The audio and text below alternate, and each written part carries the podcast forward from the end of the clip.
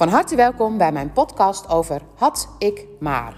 Nou, had ik maar is misschien een beetje een vreemde tekst, maar ik kon niks beters bedenken. Dus ik dacht, ik doe gewoon had ik maar. Want ik kom net uit een gesprek met iemand, met een hele mooie vrouw die echt zich zo mooi bewust is van zoveel dingen. Maar die in haar gesprek heel vaak het gevoel gaf van had ik het maar anders gedaan. Of had ik dit of dat maar zo gedaan. Had ik maar. Maar dat werkt niet. Je hoeft niet had ik maar steeds te gaan denken. Want als ik had ik maar ga denken over dingen die ik heb gedaan. Dus stel je voor, ik zou bijvoorbeeld over. Ehm, nou, bijvoorbeeld de bevalling van Jort heb ik echt wel dingen van waarvan ik dan denk: wat jammer dat ik hem dat op die manier heb meegegeven. En um, daar kan ik een ontzettend groot oordeel over hebben. Maar dit was het beste wat hem op dat moment kwam, kon overkomen, ook al was het heel naar. En um, dit was ook het beste wat mij kon overkomen op dat moment, ook al was het ook voor mij super naar. En het heeft mij ontzettend veel inzichten gebracht die blijkbaar niet op een andere manier naar me toe konden komen. En ik denk dat het vooral belangrijk is dat ik, als ik daarop terugkijk, dat ik niet denk dat ik dingen anders, um, anders moest doen, maar dat ik wel dingen anders had kunnen doen. En dat ik het weer open, open zet, zeg maar, dat er dingen anders kunnen. Maar dat het andere stuk ook ergens voor diende. Dat er bepaalde momenten zijn geweest, zeg maar, dat ik ontzettend angstig was. En dat ik dus eigenlijk um, juist ging verstarren. Had ik maar gezegd dat ik angstig was. En nu denk ik, had ik maar gezegd dat ik angstig was. Maar ik mocht ook gaan verstarren, want dat heeft op dat moment mij gered. En op die manier kun je in situaties dingen van twee kanten bekijken. En eigenlijk als je bijvoorbeeld naar omdenken kijkt, daar kreeg ik het vanmorgen ook nog even over, dan is omdenken is eigenlijk steeds ook de andere kant van iets belichten. En had ik maar, dat zorgt er eigenlijk voor dat je één kant van de situatie, één kant van de medaille niet belicht met een prettige blik. Dat wil je eigenlijk niet meer, of dat wilde je niet. En um, natuurlijk, in sommige situaties kan ik me dat heel goed begrijpen. Dat je dan denkt van, goh, weet je, ik heb in de basis bijvoorbeeld... heeft mijn kind zoveel onveiligheid gehad. Ja, dat was zo. Maar je kind heeft daar ook heel veel van geleerd. En het moment dat jij daar, daar was... Wat was dan de reden dat jij daar bleef? Wat was, wat, wat was er aan de hand?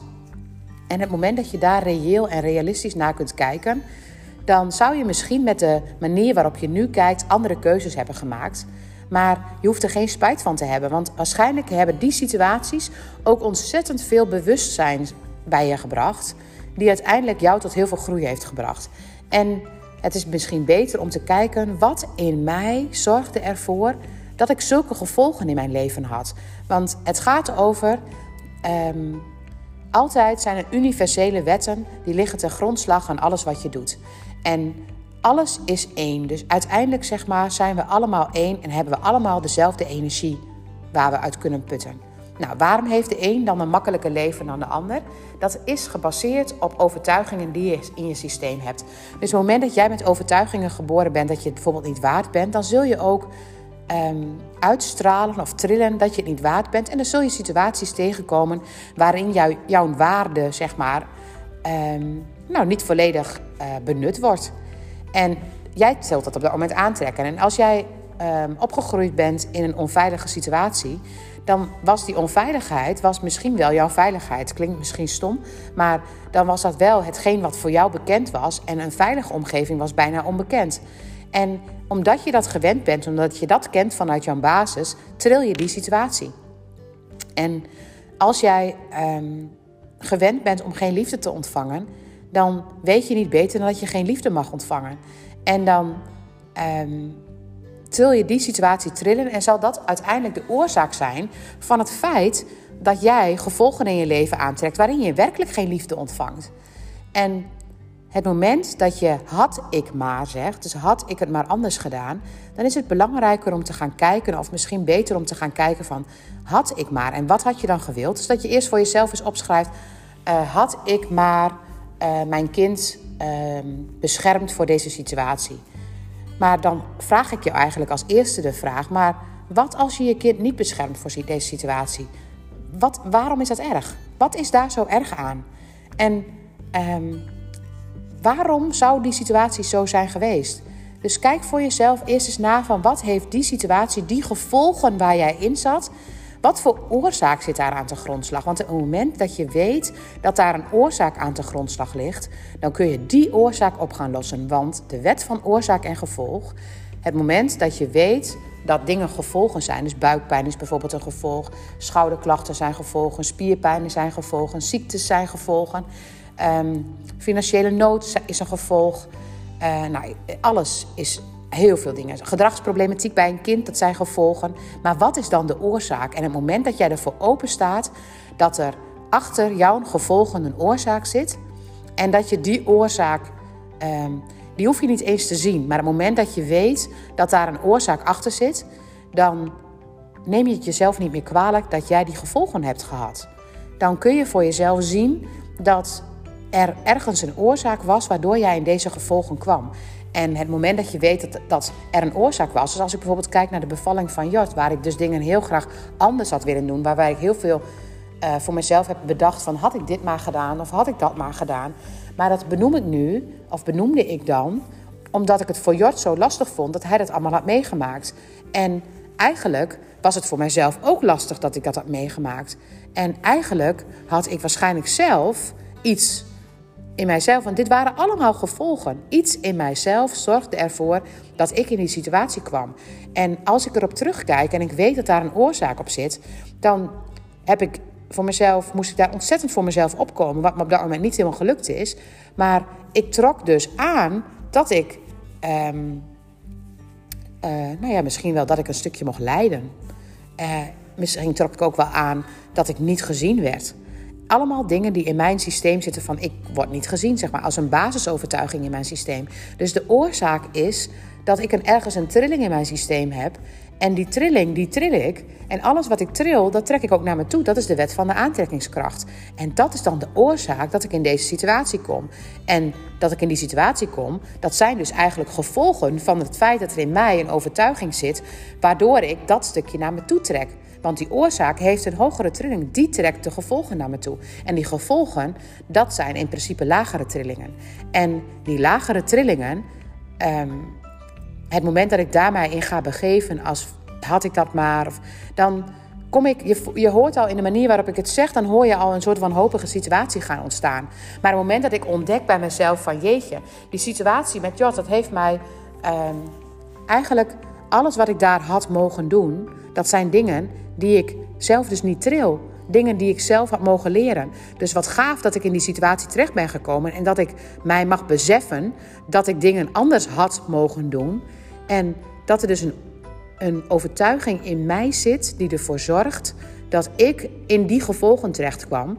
En als ik dan voor mezelf ga voelen ehm, hoe het zou zijn, of hoe het voor mij was, of hoe het zou zijn als ik dat had, dan kan ik bijna niet geloven dat dat er is. Dat iemand mij ziet of dat, ik, ehm, dat iets makkelijk verloopt zonder dat ik er hard voor hoef te werken. En het moment dat ik zo kan kijken, als je met die open blik kan kijken, dan zie je de oorzaak. En als je de oorzaak ziet, dan ehm, komen de gevolgen, de dualiteiten waar je dan in terecht komt, die geven een andere blik. En um, toen ik ontdekte wat ik mocht leren over bijvoorbeeld de bevalling van Jort, toen kon ik daarmee ook zien dat het eigenlijk iets heel moois was. En kon ik daar ook ontspannen in zijn. En kon ik mezelf dat stukje tussen aanhalingstekens vergeven. En vandaag was ik dus in een gesprek met een, uh, een lieve mama. En um, een lieve mama die zich niet bewust is wat voor mooie dingen ze aan haar dochter heeft gegeven nog steeds heeft ze beelden van dingen van had ik dit maar, had ik dat maar. En wat nadat ik haar dat heb meegegeven. En um, dat doet ze ook, denk ik, om, um, ja, om misschien zichzelf wel te beschermen.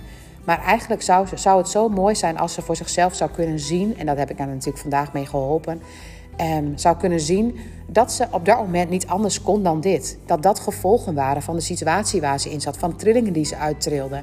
En het moment dat ze kan zien dat daar een oorzaak aan de grondslag ligt en als ze naar die oorzaak kan gaan kijken, dan zullen de, de gevolgen anders zijn. En dan zijn eigenlijk die gevolgen die er waren cadeautjes geweest voor haar.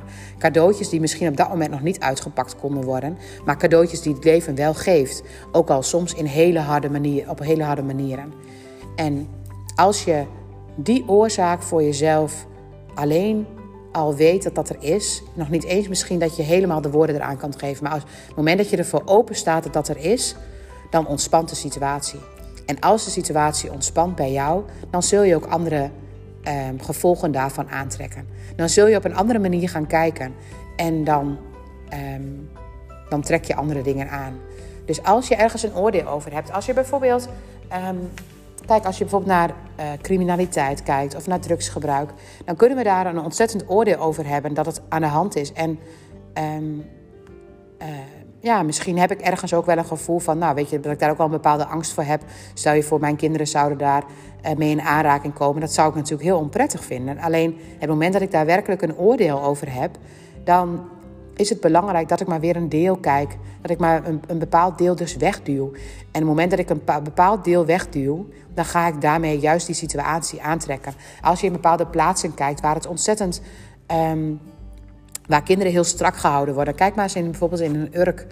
Um, ik denk dat de kerk daar heel erg veel stempel en een druk legt op, um, nou, op de jeugd en op uh, de manier waarop je mag leven. En op het moment dat je dat doet, dan trek je juist een andere situatie aan. Dan zet je juist aandacht, geef je aan iets wat je niet wil, wat God niet wil, wat je niet mag doen, wat, um, wat duisternis is, wat de duivel is. En op het moment dat je dat op die manier benadrukt, dan, dan wordt juist de duivel um, wakker gemaakt. Want juist dan, je duwt de duivel weg. Maar de duistere kanten en de schaduwkanten zijn er in het leven. En het moment dat je dat, uh, dat, dat, dat je dat accepteert, dan hoef je daar nog helemaal niet de hele dag mee bezig te zijn.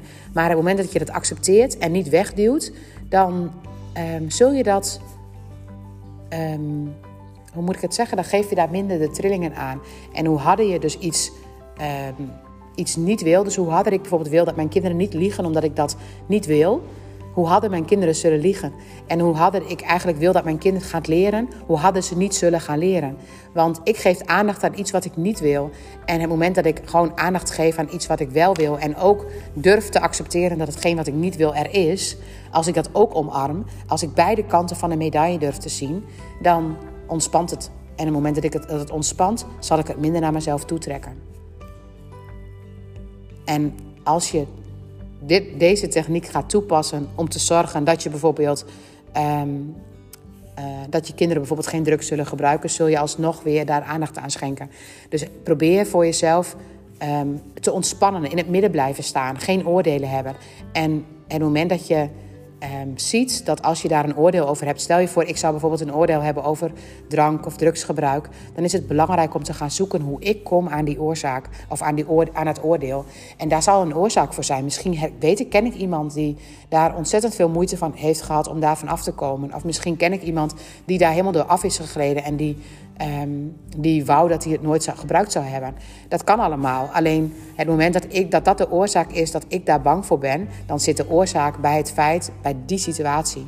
En het moment dat ik daar um, ontspannen mee kan zijn, dan zal ik ook andere gevolgen in mijn leven aantrekken. Nou, misschien een ingewikkeld verhaal, maar um, had ik maar geeft heel veel te denken. Geeft heel veel openingen. En het moment dat je had ik maar um, dat kunt zien als een dualiteit waar je in zit, dan zul je daardoor een hele andere blik krijgen op situaties. Dankjewel voor het luisteren en tot de volgende podcast.